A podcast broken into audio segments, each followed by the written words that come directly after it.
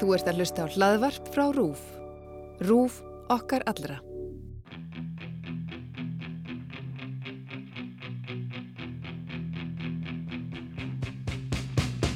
Verð velkomin í með vitjanir á heilanum. Fjöllin hafa vakað heitir þessi nýjasti þáttur og nú fer heldur betur að draga til tíðinda á holmafyrði. Kristín hefur slegið mikilvægu samtali við Ragnar á frest, þráttur í pressu frá yngu, samtalenu um lífræðilegt faderni Lilju. Svo síðanenda er byrjað stund að kynlíf og fær blöðrubólgu en hefur ekki hugmynd um að bólfélagin er ná skildurinni. Hún fer á 80's ball í skólanum þar sem Matti og Hörður reyna að grafa stríðsöksina eftir bilslýsið en það lítur út fyrir að Hörður beri heita tilfinningar til Matta sem ekki eru gagkvæmar. Einmitt að Kristín ætlar að láta verða af því að tala við Lilju verður stór sprenging við skólan eftir illa skipilega flugöldasýningu sem krefst fullrar aðtegli hennar. Sprengingin veldur miklu álægi á heimili hönnu þar sem ofbeldisfrottin Siggi heldur íbúum í heljar greipum og eftir flugöldasýninguna gengur hann í skrokka matta sem verður til þess að bróður hans sér sér knúin til að handtaka hann. Það hittar í kólunum á milli Ragnars og Kristínar og það er lítið annað hægt en að óska þess að þau finni hvort annað og verði saman að eilífu. Jóhann okkar er eins og að byrja að veikast meira, sefur út í eitt og spjallar mikið við Margreti.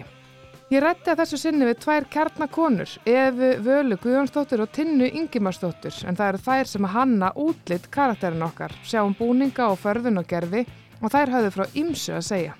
Heyrum í Tinnu og Efu. Væri þú að finna að myndi bara að byrja að syngja fyrir mig?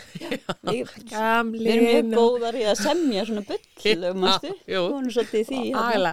Við getum sungið allt sem við segjum í þessu podcast. Er það, það væri voru skemmtir, það væri voru sætt Getið í ratta líka Já, kannski. Já, já, já, já. Alveg áttundina bara, Já, já, já. Heyrðu, ég- Kallmannsröddina, við tekum hann inn. já, kallmannsröðin, já, en ef það kemur skyndilega kallmaður hérna í vitali, þá getur verið að það sé bara hérna önnur ykkar í, í nýjum búningi. Hérna, mér langar að byrja, byrja á því að byrja ykkur að kynna ykkur og bara, Eva, þú mátt byrja. Já, Eva Vala Guðjónsdóttir heiti ég og er búningahönnur. Og Tinna, Tinna Ingimarsdóttir heiti ég og Hanna Gerfi.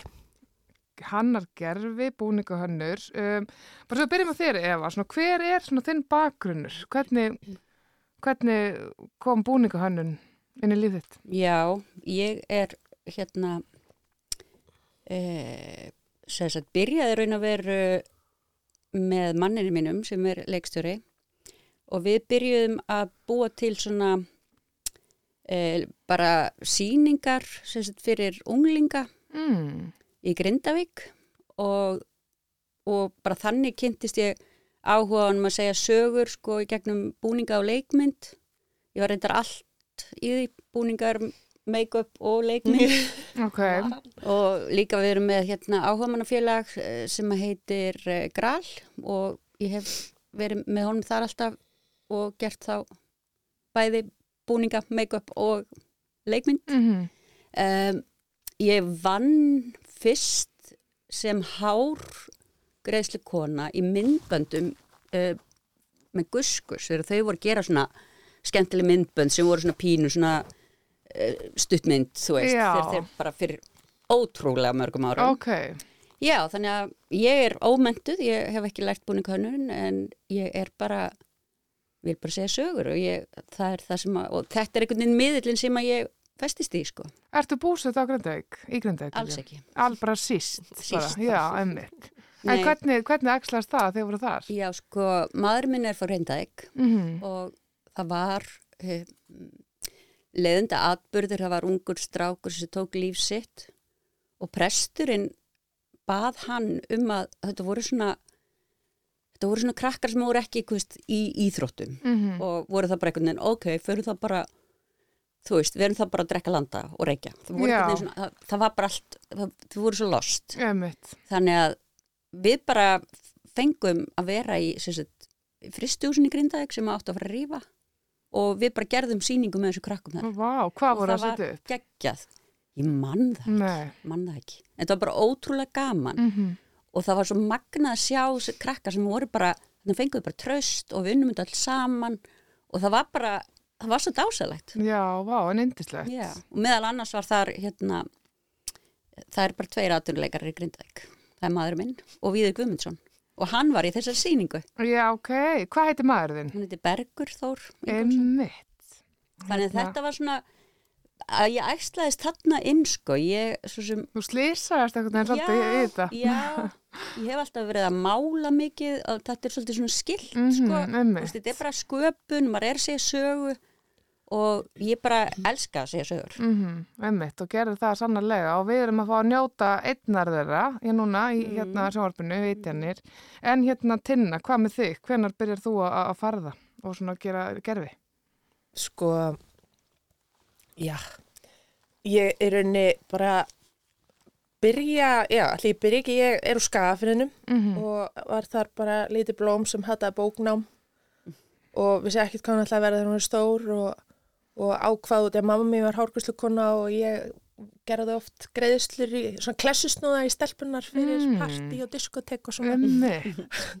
og einhvern veginn ákvað bara, já, ég fær bara flytt söður og bara prófa að fara í hárguslu eins og mamma Mm og sem var bara dásanlegt og ég klára það og hérna og nema hvað, já, í sem sagt fyrsta bekk, bara fyrsta árinu með fyrstu önninu minni, þá er mér búið að vinna í þúlikusinu Já, og hérna kennarinn minn sem sagt vann þar, Hildur Bilga var hann kölluð og ég bara, náttúrulega, þú veist var bara gjössanlega, þú veist, þetta var bara það dása, þú veist, það er bara flottasta sem að nokkuð tíman hefði getað komið fyrir mig, var bara að vera búið vinna í þjóðlíkusinu, mm mm, og ég bara eitthvað, þú veist, og ég man ég var svo starfströkk, vistu, þú veist, vikurnar, mánuðina, mögulega árin, þú veist. Ég bara að ég allir bara var leikarar bara Íslands. Og hérna, en allavega, og er svo búin að vera þar bara eiginlega síðan, þú veist, og hvað, ég flutti suður 2007, þannig að þetta er alveg orðin nokkur ár. Mhm. Og hérna, svona, með og, og þú veist, eða svona í og með einhvern veginn.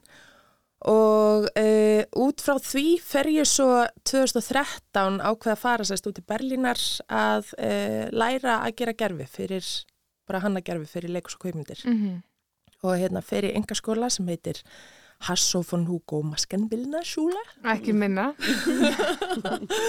og hérna sem var bara helladæmi og þú veist ég gerði í sjö mánuðu og ég kunni ekki þýsku og það var bara kæn english biti Mm og hérna enn bara geggjað og ég bara lærði, þú veist, þetta var svona vítt, þú veist, nám einhvern veginn, þú veist, ég fór inn á ljós og, eða þú veist, lýsingu og eða bara inn á svo marga þætti sem að koma að bara bæði leiksviði og, og hérna, bíó bransanum og hérna og lærði svona inn á leikmunagerð líka fyrir leikús og, veist, grímur og svo, þú veist, SFX, svona special effects Vá, magna að vera að læra um eitthvað svona á, þú veist, öðru tung, eða tungumáli sem að þú kunnir ekki. það var bara hellað, ég veit En ekki hvernig núna mér ertu datt þetta í bara hug. kúkulskræpa og bara með þetta alltaf á rauninu. Já, jú, jú, jú. Já, getur alveg verið gott að geta gripið í, í þýskuna, geti ég myndið mér. En brennur þú líka eins og Eva svona fyrir því að segja sögur?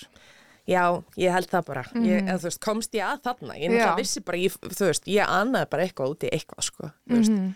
Og einhvern veginn bara, þarna var ég bara eitthvað komin allt í innu bara, veist, ég er svona típa sem hef alltaf verið, skiljur, með þrjá í starffræði en tíu teikningu. Já, einmitt. Og bara, þannig að þetta var bara mín braut einhvern veginn og Mhm. þú veist, og þarna einmitt lærði maður líka að segja sögur og þú veist, við fórum alveg bara djúft í listasögu og bæði, þú veist, bara búningasögu og þú veist, útlits tengt og náttúrulega bara svo í söguna sjálfa líka sem hún náttúrulega bara saga, þú veist, búningar og útlit segir sögu heimsins, þú veist, einhvern veginn, það er bara þannig, þú veist, það, er, það er allt, þú veist, útlitið, hvernig það lítur út og náttúrulega bara búningarnir rosalega mikið, eða búningarnir, þú veist, Mhm. fötin, bara segja allt um allt, þú veist, það er Nákvæmlega. bara, það er tjáningin búin að vera bara alltaf, þú veist, og já, þannig að, jú, ég bara elska það.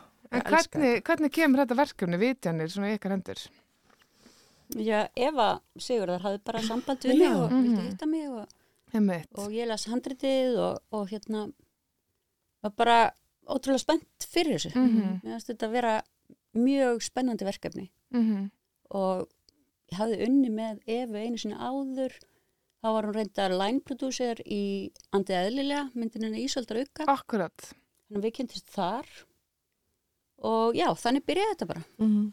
Og hérna, en ég meina, þið vinnur svolítið mikið saman, er það ekki? Þegar þið er að koma að, þú veist, já, útliti karakterina, þurfið þið, eða settist þið ekki niður, er það ekki alveg svolítið stór hluta af þessu ykkar samvinna? Eða Jú, það er mjög misjætt reynda hvernig fólk Já, vill vinna sko. ég finnst, ég bara er svo mikil boltamanneskja ég, ég Já. bara ég vil geta kasta boltum á milli Mhm. það, mér finnst bara, það er bara nöðsynlegt veginn, finnst mér Já. allavega að geta unni saman þú veist, Já. mér finnst voða er nú ekki oft lendi en voða skrítið ef það er einhvern veginn deildirnar eru bara separat þú veist, Já, akkurat. það er einhvern veginn Já, þetta er ótrúlega hérna, mér finnst þetta rosalega mikilvæg punktur í, þú veist, í sköpuninni sko. og mér finnst líka bara svo þakklátt sko uh, að því að auðvitað langar manni stundum að leifa egoinu sínu að setja fólki eitthvað Mhm. en þá er svo gott, þú veist, að vera með samtalið bæði við sko leikstjóran þig til dæmis uh, leik, og leikmynd líka oft Mhm. algjörlega, já, Og leikmynd hérna- mikið Já, líka. ég er miklu samstarfi við leikmynd líka Mhm. og svo náttúrulega bara líka finnst mér mér finnst það gaman að því ég finnst svo gaman að vita sögunum bakvið Mhm. að tala við til dæmis bara leikaran Mhm. þú veist, að því að leikstjórin og leikarin þau eru búin að vera kannski að æfa verkið, lesa saman þau eru kannski með einhverja alltar sín heldur ég svona bara, já, ég, mm. já þetta er góð hugmynd Mhm. þó að alltaf at the end of the day sko, þá hef ég þú veist, þá vil ég náttúrulega alltaf ég þarf að ráða ferðinni samt. Já, já, Já, en þetta er samvinna. Maður á þetta samtal og, veist, og vinnur svo sína hugmynd út frá þeim kannski Mhm. svolítið, þú veist, en einmitt sem er svo Já, og einmitt þetta að sitja snið með leikarann er út í að þau eru náttúrulega að skapa persónu líka. Nákvæmlega, einmitt. Það er mér það að vera magna sko, við kvikmyndalistina er að það er svo rosalega margar rattir og margir, margir einstaklingar mismöndi hæfileika sem koma þarna að borðinu Mhm. og ef að einum einstaklingi væri skipt út til einhvern annan hefði loka útkomun alltaf verið önnur. Þetta er svo margir sem er að setja svona sitt krydd í súpuna sem verður svo loksins að loka afverðinni Já. sem að mér finnst einstaklega vel heppnu í þetta, þetta sinn, þetta er alveg frábær þættir og hérna verða bara verða rosa spennandi núna. Já. Það er náttúrulega við sáum hérna, hérna Ragnar hérna þurfa að handtaka bróðu sinn og, og við erum átt okkur á því að, hérna, að Lilja og Matti er að komast að því að þau séu ná skildir mm Mhm. rekkjunautar sem er afbygglega ekkert eitthvað ótrúlega gaman á þessum Nei. aldri og svona. Það er glada. Já, en það alveg gengur á ymsu og það var eitt svona sem ég tók eftir, ég fekk nefnilega sörudögg hérna, í viðtal til mín Já. og, hérna, og ég var bara nýtt spennt að hitta hana, hún var dásanleg en þegar ég fór að tóka mótinu, hún var hérna frammi í móttöku, þá horfði ég kringum mig og ég sá Kristínu hvergi sko. Nei, og ég var alveg bara býttu fyrir ekki og svona var alveg bara að segja við hérna hana Gurri í móttökunum og býttu hún ekki komin, hún bara, hún stendur hérna. Og mér fannst þetta bara, þetta var allt önnur mannesk Já. Já. Já, og ég var bara, nei, þú veist að ég, sorry, bara Já. því ég held bara, sko, ég náttúrulega man eftir sörur alveg, hérna, úr, veist, pressu og svona, Já, en já. hérna, ég held bara að ég var að fara að taka á móti Kristínu Lækni, sko. Mhm. einmitt Og hérna, sko, en hvað var það til dæmis sem að þau hugsuðu þegar þau eru að búa til svona, já, skapa hennar svona gerfi með henni? Sko, mér fannst mjög mikilvægt og sem mér finnst reyndar alltaf í flestu tilvikum eh, mikilvægt að hún væri, þú veist, í raun og veru bara, maður myndi ekki muna í hvernig fötum einmitt. Þú veist, hún er bara þannig, Mhm. bara í hverju Kristín Læknir eh, er tínt síðan í fyrradag, hún var í, ekki hugmyndi í hverju hún var. En við byrjuðum sko þegar hún er að koma inn í inn, inn fyrst þá byrjuðum við á að hafa sko við erum alltaf með rúllukraða og hún var miklu stífari. Já, og svo þegar fyrir að líða á þá fyrir við alltaf að lækka. Það var eiginlega það sem að við Allt unnum að með. svona það var, það var ekkit meira sexy þann, ekki svo, svoleiðis heldur bara það svona opnaðist fyrir. Mm, eins og maður finnur bringur. þróunin á hennar Já, og karakter. það var eiginlega bara þessi rúllukrægi og þá einmitt stífa Já. hárið og Stíft hár sem að fór svo Já. bara, þú veist, Mhm. einhvern veginn. Hún bara er með Brynju fyrir fram að sig. Já. svo bara er hún að sem er bara fella. mm Já, já, Já, algjörlega. eiginlega Já, maður finnur það svo mikið núna eins og þegar það fer að hitna í kólunum hjá Kristín og Ragnar eitthvað þá fer hún að koma svo mikið út í skelinni Já. Mhm. sem gerir það alltaf verkum allan ég held svo mikið með þeim Mm. Það er eins og unga fólki myndi segja ég sippa þau þú veist, Já. og maður er alveg bara, maður verður svo eldheitur í því og bara Já. þau verða að ná saman veist. Gott chemistry. Já, rosalegt chemistry í gangi en hérna, en svo til dæmis eins og hérna mannskja sem að tekur vel eftir hvernig klætt Lilja Mhm. hún er með hennar, þú veist, og maður sér strax að hún bara strax frá fyrsta ramma þegar hún, að er svona sjálfstæðir úrlingur sem að fer svolítið sína eigin leiðir. Já. Hvernig var að skapa svona hennar um, já, gerfið að personu? Það fyrir svo gaman. Ríkalega Ég vil alveg meina að ég og Eva höfum svolítið mist okkur bara. Jep. Við svolítið bara eitthvað svona, já, já, já, þú veist, Nei, gerum bara þetta bara, gerum þetta bara. Geggjað þrý ekki þarna sko. Og, og það var svo gaman því að það var alveg nokkru sinnum sem að, þú veist, hún mætti og alveg hana, fleiri mætti og sett og maður frétt alveg af svona bara, ætlar hún að vera svona? og bara, já, það ætlar hún að gera. Já, okkur fannst bara mjög mikilvægt að, að hafa þau þú veist, ég minn hún er bara ókslega töff. Já, bara þetta algjör er bara hennar stíl, hún er sko. listamaður. Einmitt. og Matti er, þú veist pappastrákur sem fæ, eða sem sagt, hann er með silfiskeiði munni og er þess vegna fær alltaf flottasta sko. Og svolítið svona skemmtilegu kontrast finnst mér einmitt á lúkum hjá þeim þú veist, hann er, þau eru alveg þú veist, ekki eins týpur þannig, en Nei, þú veist, svona skemmtilegt kemistri sem Já. kemur saman Einmitt og það er einmitt rosalega mikið í útlitinu á henni sem að maður kynnist henni sem personu og hérna, og sko ég var ofta alveg bara sem ég langaði að skrifa hjá mér bara, veist, að mér fannst hún verið svo töff og mér langaði að leika eftir, sko. En hérna það er nú líka ótrúlega auðvelt þegar efniviðurinn Katla náttúrulega er líka Já, hún er hérna, alltaf bara töffari Já. na. einmitt og það er eiga það alveg rosa mikið sammeilegt, finnst mann, sko, Katla og karakterinn, veist. Ég leitaði rosa til hérna yngstu dóttarinn mér sem er bara, töffari. Mhm. og ég held bara, hvað segir það, heldur þetta getur verið svona, bara já, þetta er ekki, nei, nei, nei, nei, ekki svona. Vá, hvað er mikilvægt að hafa þessa rödd. Að maður. Já, verður smá blindur á hvað er töff kannski þegar maður er Já, á náldir ég er náttúrulega bara miðaldra og ég myndi bara ekki jú, jú. Skilji. Absolutt, þú ert 100% töffari Já. líka samt. Nei, en þetta er rosa gott að, að fá svona feedback sko. þannig Já, ég tek oft Já, hérna, dætur mínar með mér á vinnstofuna og bara að vesla og svona oh, það var Já, alveg bara, þú veist, myndir Jesús. þú? Hún bara, já, ég myndi, nei, ég myndi ekki, skilir þú veist, Já, bara, já, og, og alveg óhrættu að segja það, þú veist já, já, já, já. en hún er geggjuð Já, sko. bara ógslag skemmtilegt að vinna þessi lúk með henni, sko. En er eigin einhvern svona uppáhalds karakter eftir að fara í gegnum þetta? Ó, mér þykir bara svo vænt um Já. það þú er svo ólík, Já, Mhm. þú veist það er náttúrulega, þú veist, maður svona var meira flippaður með suma en Já. aðra og það er náttúrulega ekstra gaman, þú veist, þannig að, en þú veist, einmitt, það er eitthvað í öllum og svona Já. læri svolítið, eða þú veist, En elskar þetta var líka alveg uh, þú veist, alveg ótrúlegt ferðlega því að ég, þetta var í fyrsta skipti sem að ég fóri næstu því aldrei á sett í kvikmyndagerð. Einmitt. við, við tinna vorum bara í einangrun.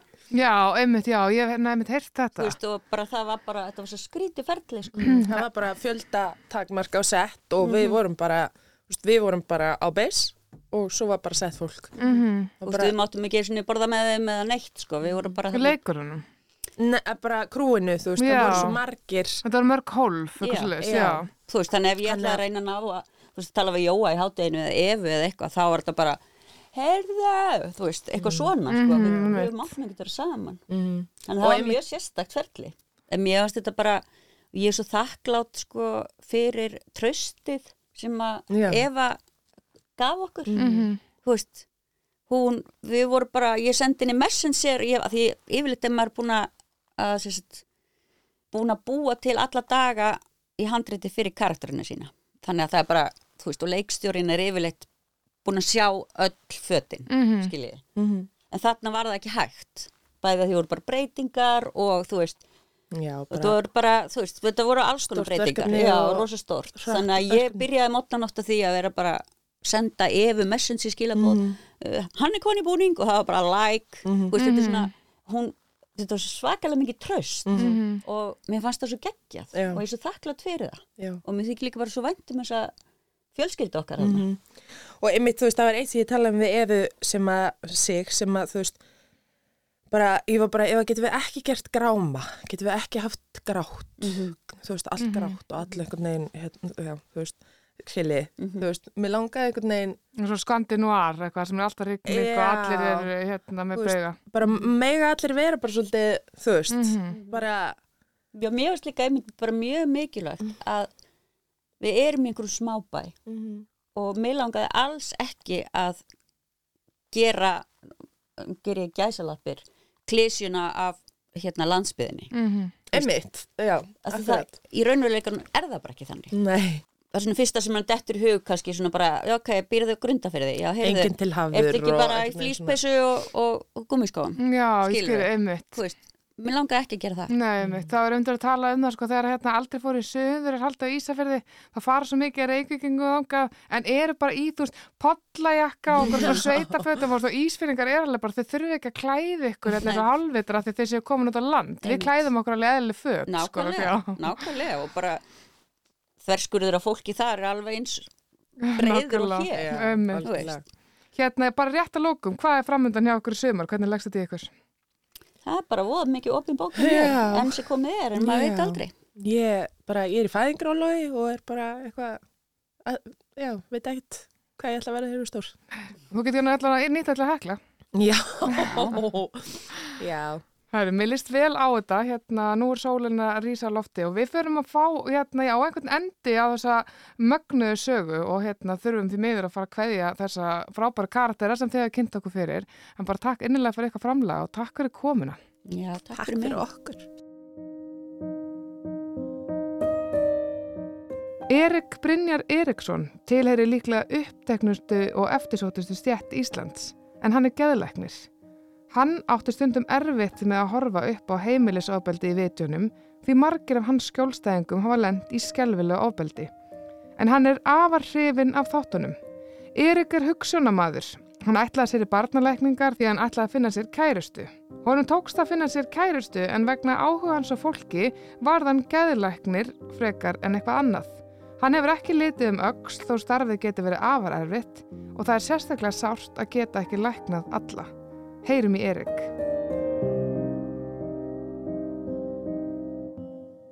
Erik Brynjar Eriksson, gæðlagnir. Hérna, takk Erik innilega fyrir að koma. Um, það að sko, mér langaði svo rosa mikið til að tala við geðleikni út af því að í þessum þáttum vitjunum þá koma fram já, ymsir mögulegir og svona fjölþættir allan að geðrannar áskoranir. En það að sko finna geðleikni sem hefur tíma til að koma að hitta mann er ekkert grín.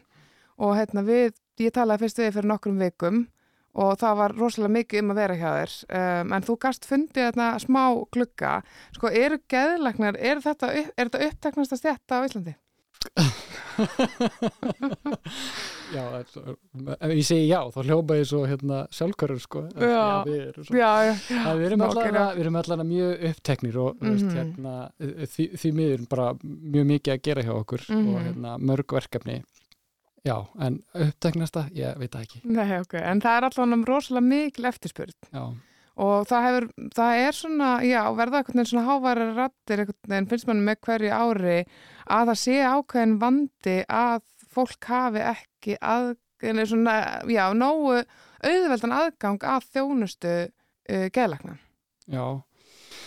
Ef við berum okkur saman, nú er þetta klassiska, við berum okkur saman nákvæmlega. Já, mhm. að þá eru ekki endilega færri svona, þú veist, per haus Nei, á, á geðlagnum hér mhm, og það, úst, það er svo sem skortur allstar, hvort þú fer til Norröks Svíþjóðar eða, eða Mhm. hvert sem er en, en hérna ég hugsa að, að sko einhver leiti bara hvern, sko, hvernig við hérna skipleikum kerfið okkar mhm, þú veist, og aðgengi að öðru meðferðum sko emitt. en ég held að þó að við værum með allt hitt svona í tip-top að þá myndu okkur, myndu við samt þurfa fleiri geðlegna Já, já, Já, og það vill átt vera þannig að það kemur svona að það kemur svona holskefla sko, það kemur mikið af margir sem hafa áhrif á áhuga á geðlækningum í einhverjum ákveðnum, ákveðnum árgangi í mhm, læknisæðinni og svo er eitthvað voða lítið þannig til eftir einhver x ára þá svona og núna undarfærið margir komið á, komið á eftirlaun sko. hérna, þegar þú að fara í læknisfræði, var þetta leið sem að þú vissir að þú myndi fara í eða var þetta ákveðin sem þú tókst síðar?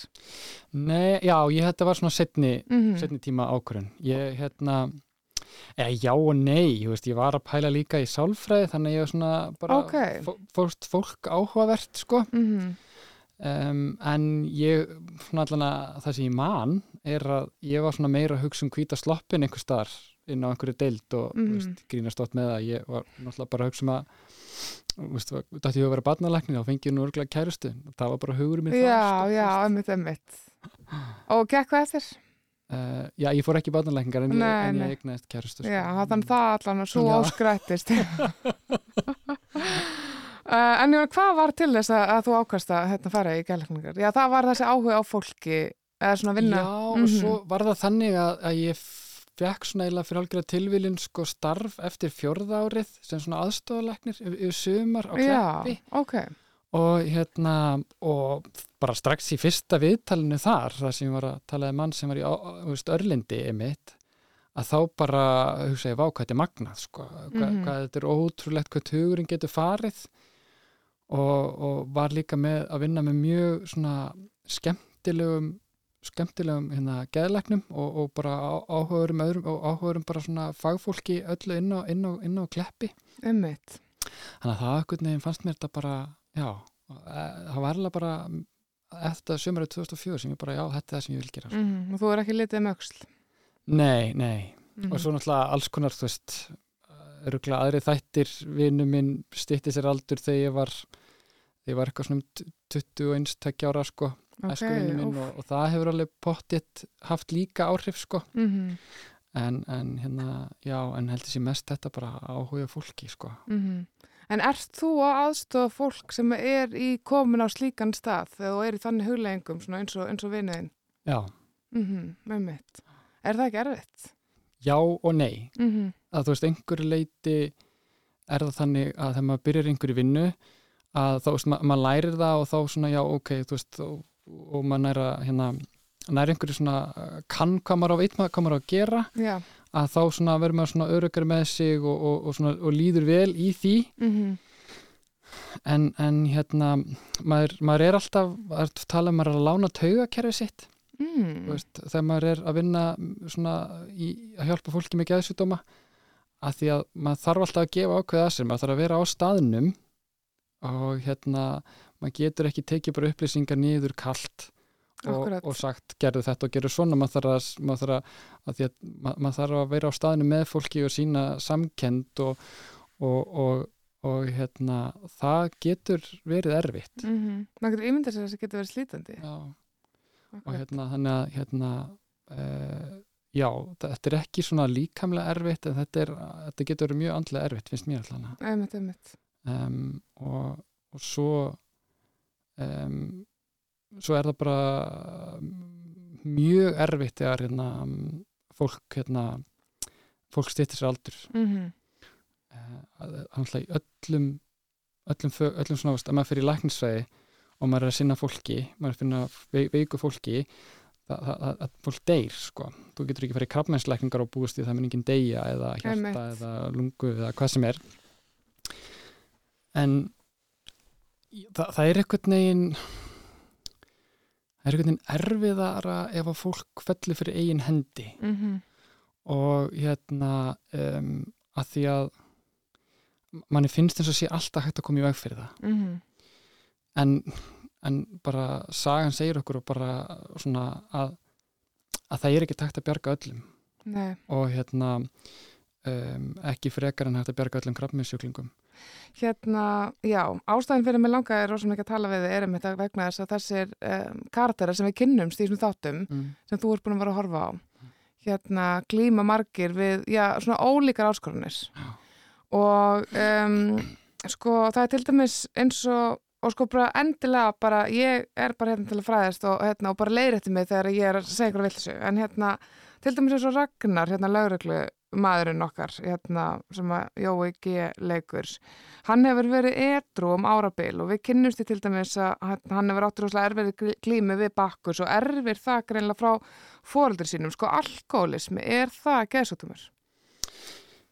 Já, eða, það, það er sjúkdómur og já, Mhm. ég myndi segja að það veri geðsjúkdómur sko, ég veit ekki hvað flokkuna kjörðin segja en fyrir mér er það geðsjúkdómur Mm. og, og, en, en það er svo margt sem getur sko, það er svo, mismundi hvað liggur á bak við alkoholisman Akkurat, sumir er það bara svona að- er það bara hann að þetta er bara mjög genetíst og um leið og fólk byrjar það getur ekki hægt sko. mm. en síðan er það aðrir sem er og, og það er freka margi sem eru að nota áfengi út af einhverjum undirlíkjandi annari vanlegan akkurat og veist, það er áfengi virkar alveg fáránlega vel á kvíða alveg bara svín virkar Mhm. en það er bara leitt hvað hérna, langtíma árangurinn er lélegur og aukaverkanarnir og, ma maður getur ekki fungerað alltaf undir áhrifum en þess vegna einmitt leitast rosalega margir í þetta og, og hann svona og mjög aðstæði mitt þetta vera mjög vel sk skrifar karakterar og svona baksagan þetta fyrir mér allan að þetta sem kemur mjög vel heima og saman sko. Mhm, akkurat.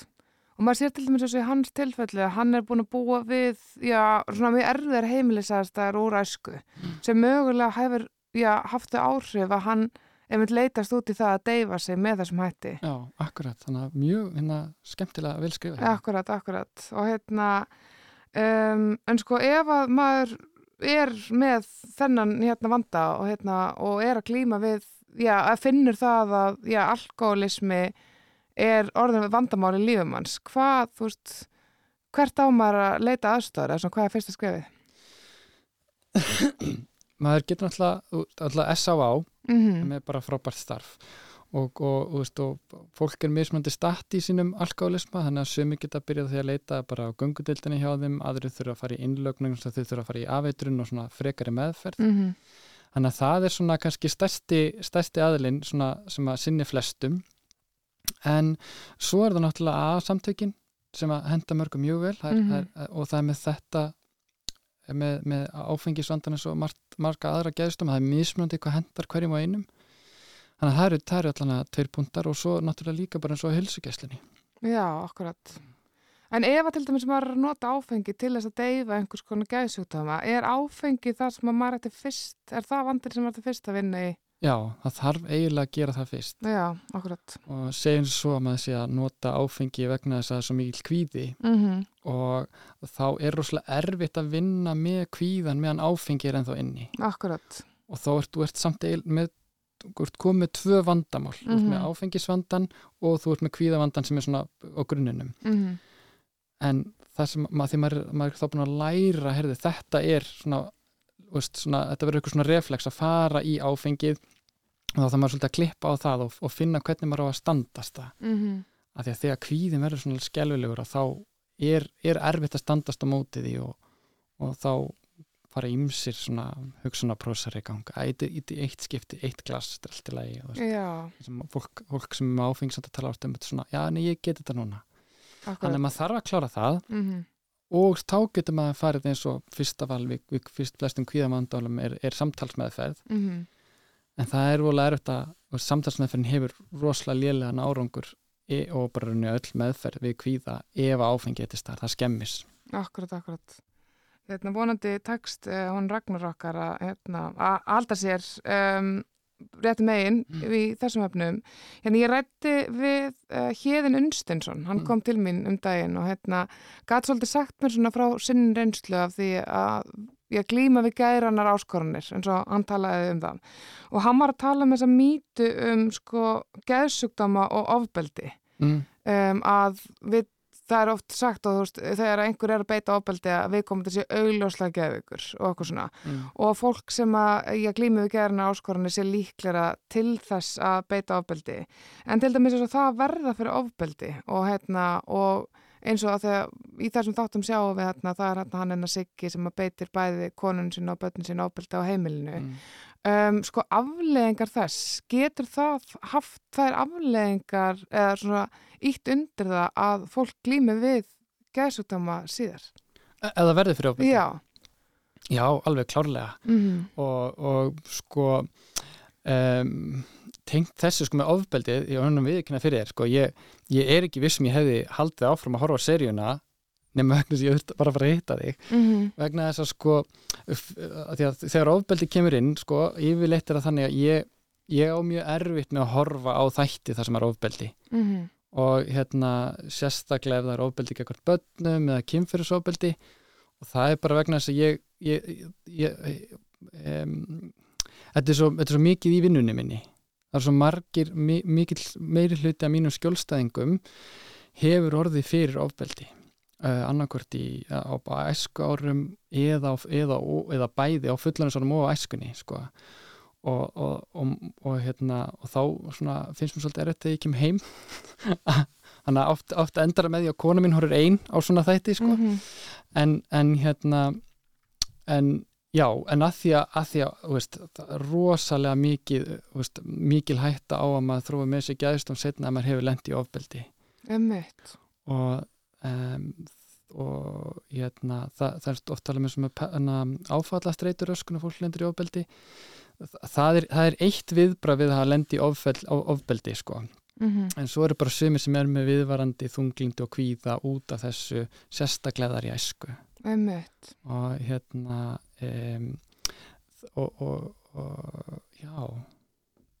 Manni hvað ætlaði að segja mér að Sko, en er hérna fólk sem var verðið fyrir ofbeldi, eh, er það líklara til þess að beita svo sjálft? ég veit það bara ekki Nei. Nei, ég eh, bara veit það ekki sko Mhm. um, um, en veist, það sem ég, þú veist, ég, ég er ekki með einhverju rannsóknur með, með Nei. það, bara svona einstaklingar sem ég hef hitt að flesti sem ég hitti eru ekki, eru þú veist, algjörlega ekki að beita ofbeldi vegna þess að þeir urðu fyrir ofbeldi Mhm, Einmitt. en kannski þeir sem að verða fyrir ofbeldi og beita því, þeir fara annað sko, Mhm. þannig að það er kannski eins og fólk sem að, bara stór hluta þeim sem er í, í fangelsum í dag, fólk sem eru orðið fyrir ofbeldi í badnæsku Akkurat. Sko, talandi um einmitt áföll, áföll eru rosalega stert þema í, í hérna þessum þáttum. Um, sko, eru þau oft grunnurinn eða það sem að veldur þessum geðsóttumum? Já, það er það Mm og, og það sem að ég vinn í svona gelsteimi uh, hérna á höfuborgarsæðinu að, að hérna ég myndi áætla að svona, svona 60 til 70% af því fólki sem við erum að hitta uh, eru með geðsutdóma út frá á, áföllum uh, og svona þá er ég hugsað þessu mjög vítt bara eins og vanræksla í esku, þú veist ekki endilega beitt ofbeld en bara vanrækt -hmm. og hérna þannig að, að ég held að, að sko það, það er svona svolítið tala með þessi svolítið tísku fyrir brið, núna er allir að tala með áföll og áföll og áföll, en ég held að, að bara mikið af því fólki sem eitthvað veikast hefur verið lendið miklum áföllum, en ekki öll áföll liða til þess að maður ve Nei, verið veikur einmitt, sko. einmitt. En hérna, við höfum hérna þessa konu, hérna Jóhannu, um, hún er miðl mm. og það er rosalega stert svona þema í þessum bæ sem við kynnumst og það er fólk er með opið fyrir svona handan heimum og, hérna, og fer rosa mikið til hennar til að ná sambandi við já, framlina. Sko, uh, það að sjá drauga og svona einmitt að vera að sjá hérna í kringu sig þá sem er ekki lengur lífs. Hefur þú rættu marga sem að er að upplifa slíkt? Já, það er alltaf, alltaf, alltaf einhverjir sko, sem, að, Mhm. sem að upplifa svona einhverja, e, alltaf minnstakosti einhver svona, svona, svona hérna, hvað er það, návist. Það sé einhver svona einhver, veist, og um, það er ekki það algengt sko sem svona gæður og senginni gæður og senginni þegar fólk missi tengslur umveruleikan fær svona hugmyndir, rángumyndir sem standast ekki standast ekki skoðun eða, mm Mhm. eða ofskinjanir og hérna þá er að það, að það að sjá fólk það er ekki svo algengt, það er samt alveg kemur fyrir það er miklu algengar að fólk heyri áfernir sko mm og um, kannski sjálfnæst er það þannig að fólk upplifa það sem það séu draugar eða séu einhverja handan en það kemur alveg fyrir sko. -hmm. og, og hérna og mjög ofta svona fólk er að sjá eitthvað svona út undan sér svona eitthvað óljóst akkurat. um, stundum er það þannig að fólk sér alveg skýrt einhverja veru eða einhver, ma- hvort sem það sé manneski eða einhvers konar vera og hérna svo er allir gangur eða hvernig fólk tólkar það Mm Ef það kæmi til þín manneska, uh, segjum bara eitthvað, ég kæmi í, fengi hérna viðtal við þig og ég myndi segja við þig að ég væri sjáandi. mm. Myndur þú telja líklegt að það tengdist einhvers konar svona geranum áskorunum? Nei, Nei. sko um, það, það er hægt að sko, já, að því að þetta er þetta er svona mjög skemmtilegt líka við gæslingsvegi er að þetta er ekki bara svona hérna að þetta snýst ekki bara um að því að maður fer fljótt út í svona filosófíu sko, Já. hvað er eðlilegt og hvað er normal og, Mm og svo hvað maður lutir svona spiritual, spiritual hluti sko, spiritisma -hmm. og hérna og, og þú veist, það er ekki hægt að segja að allir, sem, allir á Íslandi sem trúa álfa séu, séu geðveikir Mm -hmm. þá, þá, þá er bara þá er bara stór hluti þjóðarinnar bara sjúkur sko, sem, Mhm. en, en, en líður ekki illa, það er bara vel fungerandi líður vel Mhm. og sama á, þú veist, við erum eins og, þú veist, hérna um, að vera sjáandi og vera miðill að hérna, þú veist nú er þetta bara mín persónulega skoðun ég get ekki Nei. tala fyrir aðra eða tala fyrir vísindin eða eitthvað svoleiðis en, en ég held að, að, að þú veist, ma maður getur ekki að, þú veist ég með trú, Mhm. ég vildi ég væri trúaður. Ég, ég, ég, trú, ég er trúleysingi Mhm. og það er endur annar debatt hvort maður geti verið trúleysingi hvort maður trúi ekki alltaf eitthvað annars myndi maður bara enda þetta. Það er annar, annar kapituli Ok, en, en ok, en, en með trú ég, að ég, ég um mitt lesir hanskunni bara að að, að, að þú veist að það er betri batahorfur með geðsjúdóma ef maður er, maður er trúaður. Mhm. og þannig að það skiptir máli hvort það sé elskandi guð eða dæmandi guð. Ja, dæmandi guð svona, veist, svona þetta old school, þú fer til helvítis þú Mhm, mjög ná reiði syndugur pabbi og, já, einmitt, og þú ert alltaf, þú ert syndugur alltaf og ert alltaf að beðast ásökunar að þá, þá eru verri horfur. En ef þú ert með elskandi guð og hefur trú á eitthvað svona aðra þá eru betri horfur og bara lífskeiði betri. Mhm. þannig ég hugsa bara svona, ok, það, það, það er ástæð fyrir erum alltaf að búa til þess að trú mannfólki Einmitt, einmitt. þannig að það var eitthvað gott við það og hérna um, en ég get ekki pínt mig til þess að trúa. Nei. ég get ekki bara ákveð, heyrðu, þetta er gott fyrir mig. Alveg það er gott fyrir mig að taka lýsi þannig ég ætla að gera það. Ég ætla að það er gott fyrir mig að trúa ég ætla, þannig að þetta er eitthvað bara sem maður þarf að finna með sjálfum sér og ef fólk er búin að finna þetta með sjálfum sér og þetta hjálpar þeim og þeim, líður betur þetta er ekki að valda þeim skada heldur jafnvel þert á móti að, að hjálpa þeim bara að lifa hamingisum og innihaldsríku lífi þá er ekkert mitt að segja að þetta er rangt og hættu þessu Nei. og ef einhver er miðill og hann er ekki að valda nefnum skada með þessu li- líður vel, þá finnst mér ekkert eitthvað mitt að dæma um það að þetta sé rangt eða rétt sko. Mhm. En og ekki, ekki þá viðkomandi sé veikur, þú veist. Nei, að því að sko að því að, þú veist, maður getur verið með hérna alls konar trú eins og ég og ef hún er ekki að valda mann einhverju skada í íþingja og trubla mann í daglega lífi þá er það ekki, þá er ekkert sjúkt eða það er ekki sjúkt við það, eða ekki, Nei, eða, nokkuð, eða hvað Um, já, það er, það, einmitt, það er einmitt ótrúlega stór spurning, Já. sko. En eins og til dæmis í tilfellinu Jóhanna, því hún er alltaf, sérst, hún verður fyrir áfalli, hún missi sér barnið sitt. Já, Og í kjölfarið fer hún að sjá barnið sitt alls þar og er búin að vera í sambandi við hana núna í um 30 ár frá þegar Mhm. hún fer frá henni. mm Og það er til dæmis hluta því, sko, hún vill ekki taka geðlifin vegna þess að þá finnst henni að hún missa þessi tengst. já, er það eitthvað svona hérna, ég meina af því að sko ekki, eins og mér fannst þú segja áðan þegar við vorum að leiðin hérna inn að ekki öll svona til dæmis þessu geðrásenginni eða sagði það ekki hérna, væri endilega neikvæð. Já, um, og þannig er hún að upplifa eitthvað sem er jákvætt fyrir henni og gefandi. Já. Uh, og þá óttast hún að já, finna eitthvað svona heilbrið, ég veit það ekki, í lifjatökunni en þá missi hún af einhverju sem henni finnst það gott. Já. Og það er bara og þa- það er eins og, eins og til dæmis með geðkvarfa sjúkdóminn hann, hann getur gefið en hann getur tekið. Mm -hmm. um, og þess að það að fara upp í örlindi og svona, svona veist, fyrstu, fyrstu enginnin þar sem að þú ert með aukna orku, auki sjálfströst auður af ímyndunarafl og, og það, það, eru, það eru bara tækifæri engar hindranir og þið líður opaslega vel Mm það er ekkert það er ekkert slemt við það Mhm. sko. það er kannski þegar það vestnar að þá og verður meira og meira að það fyrir að hamla þér og þú fyrir að rekast á við fólk og, -hmm. og, hérna, og hugurinn fyrir að vera það hraður að þið fyrir að hreinlega líða illa sko. Þannig að veist, það, er, það er fólk út í, í samfélaginu sem að fer í svona vægari lótur upp og, valdi, veist, og það veldur einhver, einhver skada það er ekki einhver þunglindi á eftir og mm Mhm. -hmm. vel, þannig að þá er það bara allt í lægi Já, en, en einmitt, ef, ef ég er að hugsa um hana er ég komin alveg oft á fyrir spurningi nei, sko, emmitt, en þú veist, að því að maður hefur heyrt fólk tala um, sko, að sakna manninar. já, já, Mm og, og ég hef oft hugsa þegar að hl- hlusta á fólk lýsa mannin, ég hugsa bara, ég djóðlar í til ég að prófa -hmm. þetta Bara, emmitt, þú veist, ósegrandi, þú veist. já, Mm og hérna og margir spyrir mig, getur þú bara haldið mér þarna þessum ég er að byrja að koma þarna upp sko? -hmm. og ég bara vildi gæti það, sko, það er Mm ekki ekki Ég var til, já. Já, ég líka.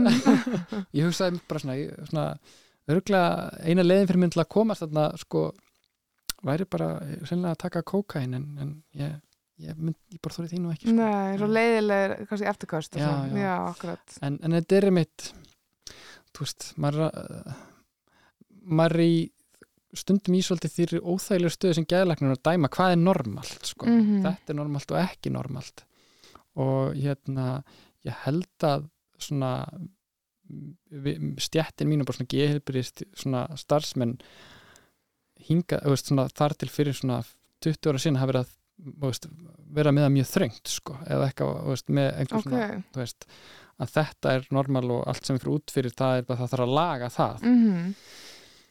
En hérna, ég held að það sé svona meiri tolerans bara líka í samfélaginu fyrir já, meiri fjölbreytileika sko. Sko, akkurat í þessu samhengi að því hérna umrættur Héðin Unnsteinsson, hann lýsti svolítið sem að ég kannast líka við úr lýsingum Elisabethu Jökulsdóttir, bæði hafa þau fengið geðrof mm. og, um, og það endar á því að sko þau þeim leið, já, illa en líka, einmitt, svona, líka vel að einhvern hátt að vera með þessar ofurskinnanir og einmitt allt þetta sjálfströst og, og þú veist, og það, hérna en áttuðu sig ekki endilega eða fólki þeirra stöðu átta sig kannski ekki alveg endilega á því að, að ástandið er orðið alvarlegt. já, innsæði svona. Já, akkurat og hérna, og í báðum tilfellum lenda þau í því í svona sjálfræðiseftingu sem Já. að uh, ástvinir þeirra þurftu, eða eða þurftu, ég veit það ekki, en beittu þau Já. og í því fylgdi rosalega mikill sársöki um, sko hvað geta aðstandendur gert í þessum aðstæðum þar sem að þú sérða mannskjan er já, far, farin eitthvert langt uh, umfram sjálft, sjálft sig og, og rauninni er ekki að hafa stjórn á, á kringumstæðum já, um, en viðkomandi er ekki samanlega og áttar sig ekki sjálft á því hvað hva ámar að gera sem aðstandandi? sko já þetta er góð spurning. Mm -hmm. um, sko ég held að, að sko, þú veist e- nummer 1, 2 og 3 er að hlusta manneskina Mm og, og, og, og vera bara svolítið svona, þú veist, opinn og, og vera mjög reynskilin að segja, herri, já, ég heyri hvað að segja, þú veist, þú ert að upplifa þetta og þetta. Og, og eh, en samanskapi koma með á móti, en þetta er það sem ég er að sjá. Bara vera bara mjög reynskiptin við það, ekki fara eitthvað fyrirleik með það Nei. og segja, ég er ekki að upplifa þetta eins og þú ert að upplifa þetta Mm -hmm. og, og, og mér finnst þetta að vera merkjum að þú ert orðin, orðin veikur sko. og, og, og svona uh, ekki koma inn dæmandi um, ek, og hérna uh, þegar fólk verður veikt og dettu oft í það hvort sem verðum aðstatendur eða, eða, eða helbriðistarsmann þá er svona er að hætt við að við setjum okkur svona á mismöndi stall sko. Þú ert veiki, ég er helbriði Mm -hmm.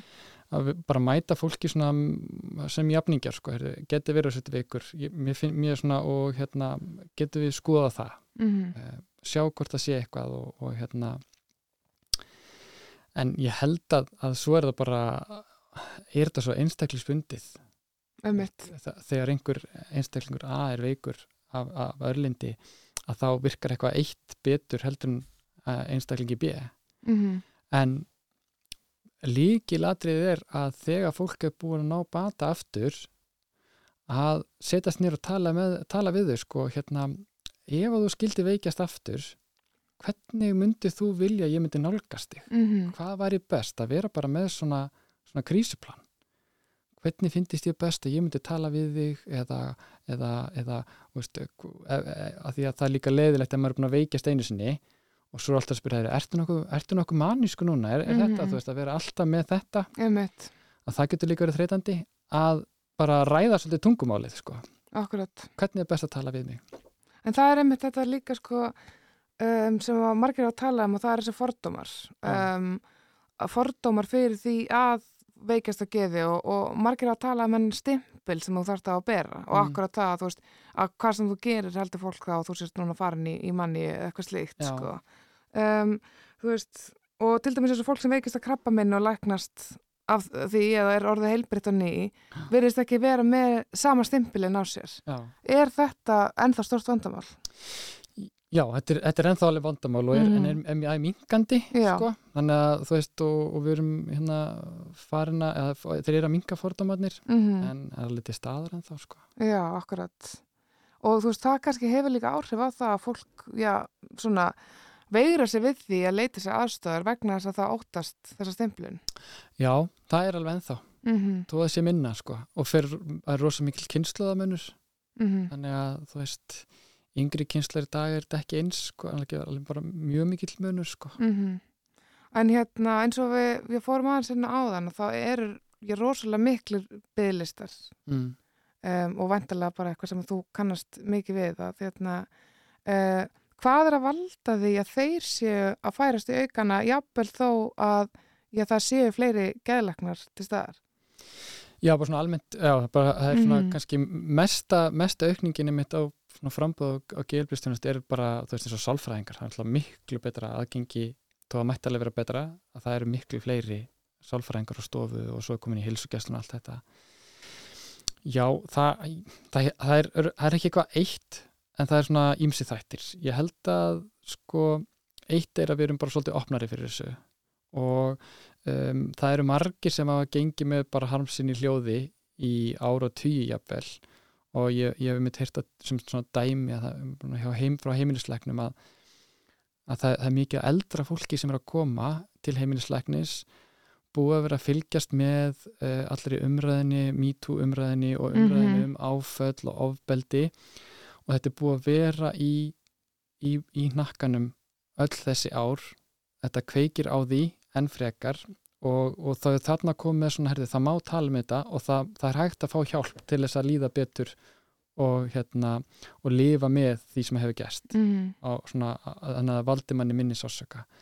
Þannig ég held að bæði þetta að við sem búin að opna á þetta þannig að fólk sér að leita sem er í hjálpar en svo er þetta svona þessi mandra sem er svo mikið verið að tala um, þú veist, auki áreitt í samfélaginu um, þú veist, við erum kannski um leið og það er meira frambóð af alls konar vörum og svona og í, á, á, að þá erum við að neyta kannski fullt af hlutum sem er ekki eins hollir fyrir okkur, við erum að tala um orkudrykkina til dæmis og um, hérna og svo náttúrulega eins og með áfengisnótkunina og það Þannig ég held að sé svona álag, þú veist, neysluhægðanir okkar um, og svo er það líka það, við erum gildur að byrja ná miklu virðingu fyrir söfninum okkar. -hmm. Þannig Þannig að það er svona ímsið þættir held ég. að það er ákveðin svona forvarnir fólknar í því að fara vel með sig. Já, algjörlega. Mm, einmitt. Þannig að það er ekki bara, við erum ekki bara komið veg fyrir krabbamenn með því að borða hollari mat, við erum líka að hugsa um heilan á okkur. Sko. Akkurat. En hérna, já, það eru bygglistar og það er rosalega mikið að gera. En færð þú einhvern tíma frí? Jú, jú, Mm Og hvað, ja. hvernig ætlar að nýta að færðu frí í sumar? já, ég hérna ætla að fara aðeins að heimsækja hérna tengdaföðu minn með fjölskyldinni í, í hérna Belgíu, að það er bara notalegt. Mm og ætlum að vera einhverja skemmtikarða að hongsa og... Gott súkulega? Já, akkurat Herðu, hérna, ég segi nú bara, já, gleðilegt sumar og takk innilega fyrir að fara yfir þetta með mér og ég vona að karakterinn í vitinum sé að hlusta og, og finni sér rétta aðstæð. Já, endilega Takk Takk. fyrir. Þá er það ekki fleira að sinni. Ég heiti Júlia Margret Einarstóttir og held áfram að vera með vitjanir á heilanum að viku liðinni.